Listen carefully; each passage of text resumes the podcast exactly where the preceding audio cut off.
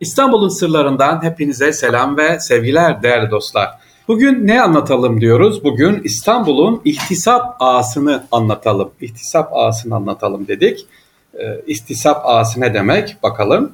E nasıl İstanbul'da zabıtalar var ya sevgiliciler, İstanbul sokaklarında özellikle açıkta satılan yiyeceklerden, seyyar satıcılarından, fırınların bugünkü durumundan, kaçak yapılan binalardan, yolların bozukluğundan, hatta çöplerin dağınık ve pis kokusundan sorumlu olan kim var? İhtisap ağası var. Efendim Osmanlı İmparatorluğu zamanında ihtisap müessese denen ve bugünkü manada zabıta teşkilatını andıran bu müessesenin başındaki kişi ihtisap ağası deniyor. Bugünkü zabıta amiri gibi söyleyebiliriz ve çok da geniş yetkiye sahip kent sevgiliciler. İhtisap ağası böyle bir çarşıya girdiği zaman yani herkes tir tir titriyor. Niye diyeceksiniz e, sevgiliciler? Çünkü çok önemli.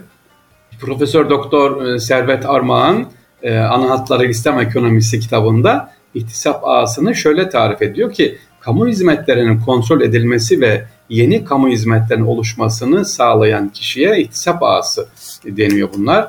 Bu peki neler yapıyormuş? Bakın ihtisap ağası bir zabıta amiri, zabıta müdürü neler yapıyormuş Osmanlı'da sevgiliciler.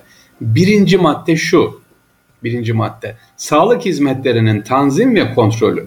İki, cami imamları. Buna çok şaşırdım ben. Yani ihtisap ağası, zabıta şimdiki manada cami imamlarını nasıl kontrol ediyor? Hatta din dersi hocalarını kontrol ediyor. Zamanında geliyor mu, gidiyor mu, bakıyor mu diye mi? Hayır cami temizliği, cami hijyeni ile ilgili efendim. Evet, ihtisap ağası caminin böyle bunlara karışıyor.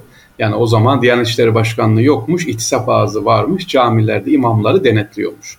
Bunlardan da imamlar sorumluymuş. E, ayrıca ihtisap ağasının görevi idarecilere nasihat ve onların çalışmasını kontrol ediyor. Çocuk terbiyecilerini kontrol ediyor. Hakimlere nasihat ediyor. Dikkat edin Evet yanlış duymadınız. İhtisap ağası gidiyor. Hakimlere aman diyor kararınızda adil olun diyor.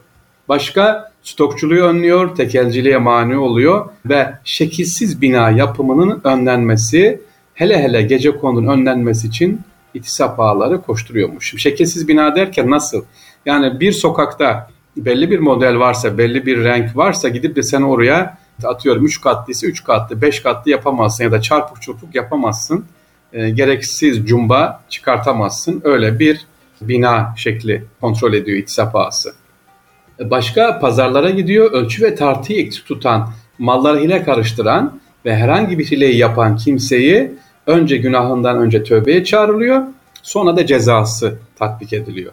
Ceza miktarı ise zamanın şartlarına göre en yüksek, evet tekrar ediyorum, bir kimse bir üründe bir ürettiğinde eğer bir zarar vermişse bir eksiklik varsa ihtisap ağası da bunu tespit etmişse maddi zarar ceza nasıl biliyor musunuz?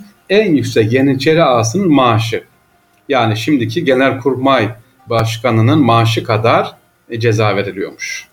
Evet tabii bu kadar yetkilere sahip olan ihtisap ağası kimlere veriliyor? Alelade sıradan bir kişiye verilmiyor özellikle çok iyi hukuk bilgisine sahip olması aynı zamanda dini bilgilerinde kuvvetli olması gerekiyor sevgiliciler. Neyi anlatıyorum? Radyoyu yeni açanlar için İstanbul'daki ihtisap ağasını anlatıyorum. İhtisap ağası neymiş? Yardımcı doçent Doktor Ziya Kazıcı'nın kitabında sevgiliciler şöyle diyor. Diyor ki ihtisap ağasının kararına kimse karşı çıkamazdı. Kimse derken sadrazamlar ya Sadrazamlar dahi karşı çıkmıyor. Yanında denetim yaparken sadrazam e, da e, giderken bir yere denetim gidiyorsa yanında mutlaka itisap ağasında beraber götürüyor sevgiliciler. Evet devlet Osmanlı döneminde İstanbul'un özellikle itisap ağası vasıtasıyla o zamanki mevcut loncalarda mümkün mertebe yakından takip ediyor. İtisap ağları esnafın kontrolü yanında iş yeri açma ruhsatı, vergi toplama, kıyafetler gibi vazifeleri de ne yapıyormuş görüyorlarmış. Osmanlı'da sevgili dinleyiciler ihtisap müessesi son döneme kadar bozulmadan gelmiş en önemli kurumlardan biriyken e, birçok görevlerde olduğu gibi maalesef maalesef sonradan liyakatsız kişiler gelmeye başlayınca ve en önemlisi de rüşvet, evet yanlış duymadınız, rüşvet gelmeye başlayınca sevgili dinleyiciler İhtisap ağası da bozulmaya başlamış. İnşallah e, dediğimiz gibi bu sevgili İstanbul'un güzellikleri, adım başı yapılan planlı plansız inşaatlar, özellikle yıkılan tarihi binalar tekrar ne yapabiliriz? Sahip çıkarız. İhtisap ağası İstanbul'da e, denetimler nasıl yapılacak var mı? E, diyeceksiniz ki İstanbul'da Büyükşehir Zabıta var, işte her belgenin zabıtası var ama İstanbul'a böyle bir çıktığımız zaman sevgiliciler Fatih'te hadi çarşambayı demiyorum bırakın ama özellikle Fatih'in ara sokaklarında mesela Hüsrev Paşa, mesela Akşemseddin, e, işte Fevzi Paşa'nın bir kısmı sokaklar, kaldırımlar neyle dolu? Eşyalarla dolu. Hele böyle Fatih'te Vatan Caddesi'nin arka tarafında, Historia tarafında, e, ara sokaklarda e, dükkanlar kaldırımı yok saymışlar. Evet evet yanlış duymadınız. Kaldırımı yok saymışlar. Kaldırım yok. Niye? Vatandaş aşağı iniyor gidiyor. Sıkı mıydı İttisap Ağası İstanbul döneminde böyle bir şey olacak? Kaldırıma bir sandalye koy bakalım. Yok. Belli bir ölçüsü var ona göre koyacaksın. Yoksa aksi takdirde e, dediğim gibi en yüksek e, Yeniçeri Ağası'nın e, maaşıyla cezalandırılıyor. Bunlar aynı zamanda sevgili dinçler bir yarama parmak basıldı da onun için biraz konuşayım. Kaldırımlarla ilgili gidiyorsun kaldırım araba park etmeyi anladık da adam dükkanını açıyor dükkanın önüne kaldırıma bir dükkan daha açıyor. Evet iki dükkan var.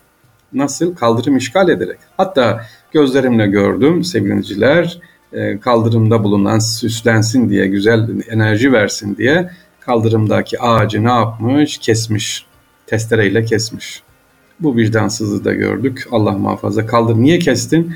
Ya işte insanlar geçemiyor. Niye geçemiyor? Çünkü senin kasan var, manav kasan var manav kasası biraz daha yer al, insanlar geçsin diye kaldırımdaki o 15 yıllık ağaç kesildi sevgiliciler.